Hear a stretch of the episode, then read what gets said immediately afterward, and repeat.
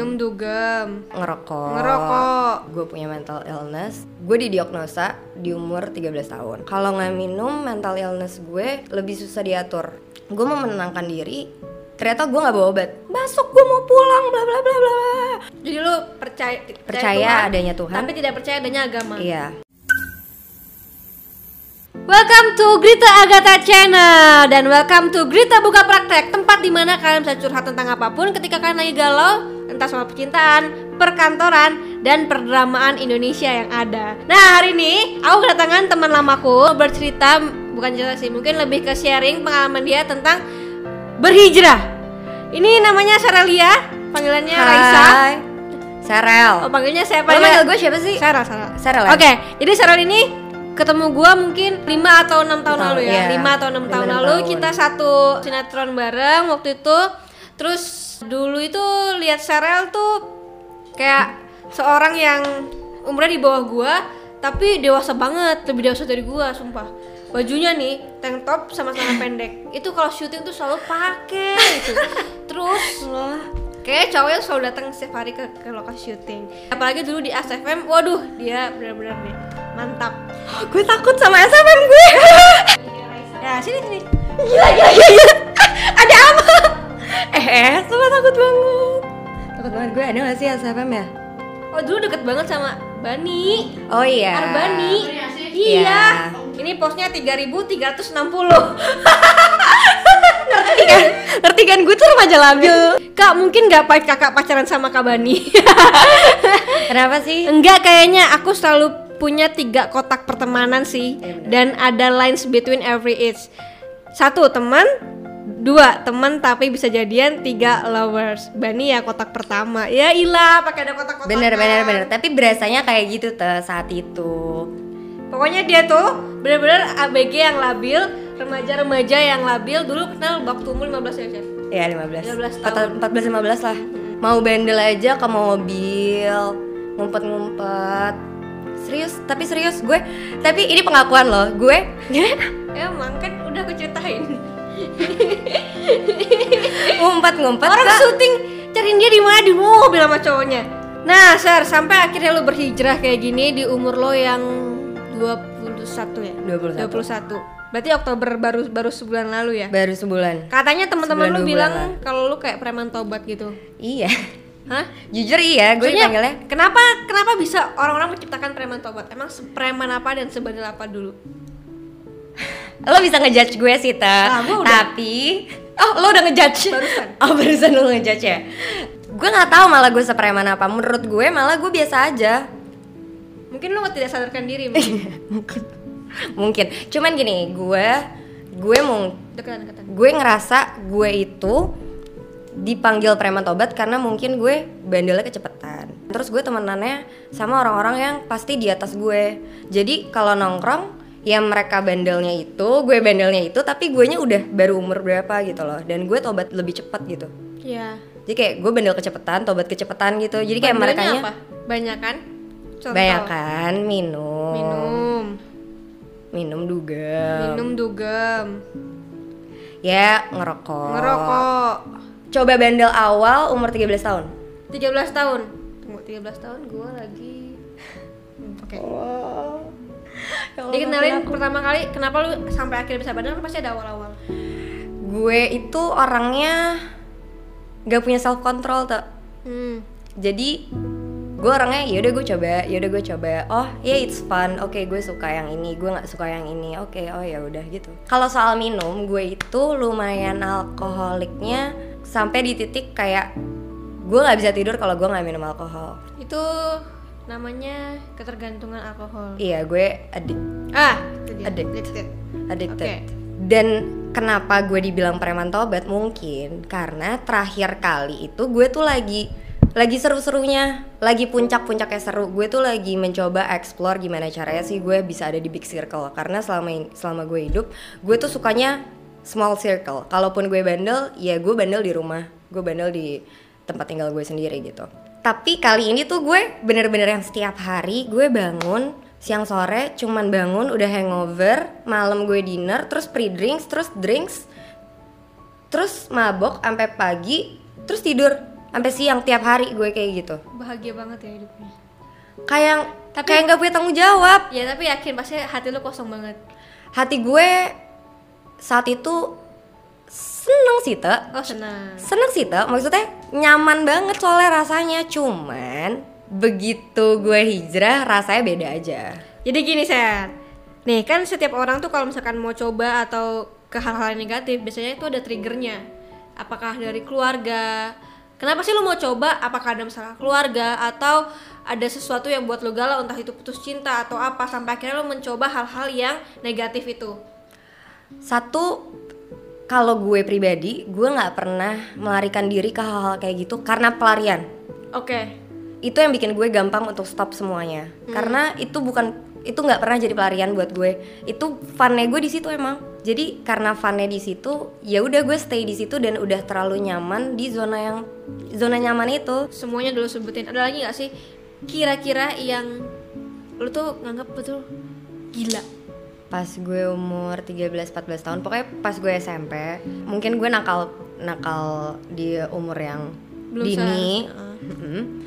jadinya gue waktu itu sangat jauh dari agama dan oh awal mulanya karena gue gak bisa dikasih tahu Oke. gue semakin dikasih tahu semakin gak dilakuin akhirnya gue lama-lama jauh banget dari agama terus iman gue juga nggak ada sampai akhirnya gue bisa dibilang gue nggak percaya agama Itu kenapa?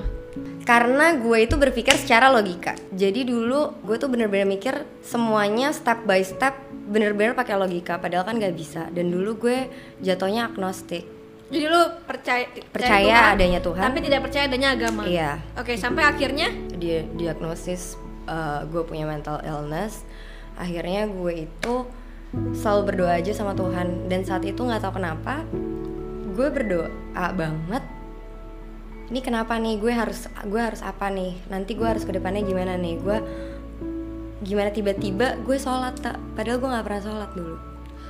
Jadi setelah jadi dari kecil lu baru pertama kali sholat? Nggak jadi gue pas masa kecil gue sholat diajarin sama orang tua kan. Tapi di saat gue udah umur sekian gue hilang lah langsung. udah hilang udah kayak ya SD kelas 6 gitu udah mulai hilang tuh iman-iman itu. Jadi dari situ sampai berapa tahun kemudian tuh gue bener-bener nggak sholat sampai Gue akhirnya lu ibadah. di didiagnosa dan tiba-tiba lu mau sholat mau lagi. sholat karena waktu itu mungkin saat itu gue juga nggak tahu mikir gue ibadah gimana lagi selain sholat kali ya Hmm. jadi saat itu gue sholat terus tiba-tiba gue dibisikin kayak nih ini itu namanya keyakinan namanya kepercayaan lo tuh nggak bisa mikirin semua ini pakai logika dan waktu itu kan gue bisa mikir ya Allah nauzubillah min zalik banget ya. Gue sampai bisa kayak lo tahu dari mana sih Rasulullah itu dikasih mukjizat beneran dari Allah? Siapa tahu Nabi Muhammad itu nulis sendiri. Kita nggak ada yang tahu. Sampai kayak gitu? Sampai kayak gitu. Nah kalau misalkan ngomongin soal berhijrah itu kan baru sebulan lalu akhirnya lu memutuskan untuk berhijrah. Nah dari yang lu nakal banget tiba-tiba berhijrah itu apa yang membuat lu bisa oke gue mau berubah sekarang. Gue mau berhijrah sekarang. Hmm, yang paling mengetuk gue nemuin meme. Tulisannya intinya gini kalau lo bilang lo mau tobat tapi lo mau bilang tobatnya besok. Kalau lo mati ya sekarang gimana? Apa perbedaan signifikan antara dulu lu nakal pakai tank top pakai celana jeans pendek sama sekarang yang semua harus tertutup rapi tidak boleh ada sedikit pun? Dari hati sendiri lebih peaceful lebih peaceful. In physical in physicalnya nggak banyak catcalling. Ah catcalling buat gue bisa gue sampai panik dan gue bisa sampai gemeteran gue bisa sampai depresi banget. Pernah nggak ada satu yang paling buat lu depresi? Eh kenalan dong dipegang-pegang dicolek-colek. Itu di mana? Di mall biasanya. Di mall? Di mall. Karena dulu gue tuh bener-bener kan kebuka banget kan kak. Terus gue bener-bener cuek sama apa pun sama sama di luar tuh gue cuek. Tapi kalau gue lagi mental breakdown di catcalling kan gue jadi lebih sensitif. Gue lebih sensitif jadinya langsung langsung panic attack. Dan gue tuh punya anxiety disorder yang lumayan susah kalau gue nggak minum obat. Oke sekarang lu masih minum obat? Sekarang gue masih minum obat. Sehari berapa? Sehari 3 sampai 5 kalau nggak itu? Kalau nggak minum? Kalau nggak minum apa yang akan terjadi? Kalau nggak minum mental illness gue lebih susah diatur. Jadi kalau lagi depresi depresi banget. Kalau lagi senang senang banget. Gue didiagnosa di umur 13 tahun. Wah pas ketemu gue dong. Iya di sebelum. Oh, oke. Sebelum ketemu sama lo. Gue SMP didiagnosa Gue punya beberapa me- mental illness Yang gue benci banget untuk ngomong ini Tapi yang gak bisa disembuhin. Belum ada obatnya. Tapi selama gue bandel itu kan Jadinya otak gue ke distract Jadi mental breakdown gue tuh gak separah Di saat gue sober. Nah gue pernah merasakan gue sober banget 4-5 tahun yang lalu Itu terakhir gue bener-bener mental breakdown separah ini lagi tuh Separah ini? Jadi sekarang nih Hah? Begitu gue hijrah Hijrah gue itu barengan sama mental breakdown gue lagi ancur-ancurnya. Dan gak tau kenapa pas hijrah tuh makin makin berantakan. Gue tenang di saat gue sholat gue gue ingat Allah segala macam gue tenang. Tapi kan di saat hijrah banyak banget perubahan. Langsung hidup hidup tuh langsung berubah tak dari dari kerjaan keluarga temen sahabat eh, cowok semuanya dari semuanya tuh langsung berubah.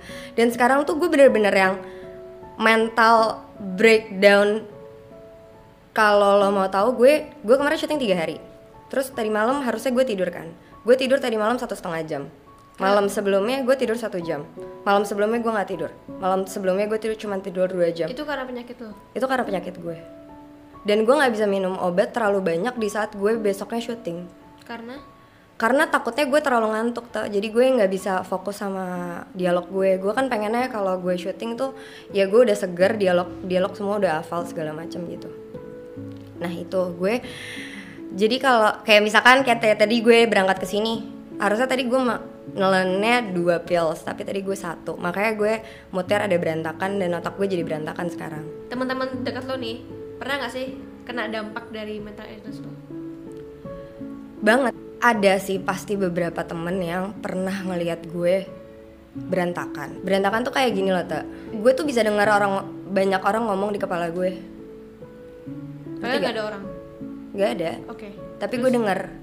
Tapi beneran ada suara bukannya gue halu dan itu kan bikin kadang-kadang ini suara yang mana nih yang mau gue denger? Apa apa suara diri gue sendiri yang mau gue denger?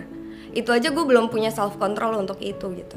Waktu itu gue pernah lagi di Taichan goreng di Senayan. Wah enak. di Taichan goreng Senayan tiba-tiba mood gue turun drop. Terus gue langsung ke mobil gue langsung ke mobil cari obat gue. Gue mau menenangkan diri ternyata gue nggak bawa obat. Itu kan saat itu Taichan goreng tuh masih yang di kanan sama kiri. Ah. jadi di kanan tuh yang penuh banget kan terus yang mobil di tengah-tengah jalanan gitu. Itu gue ngetin sem- semuanya biar teman gue balik ke mobil. Itu semua tukang parkir segala macam tuh udah datang ke mobil gue gue nggak bukain.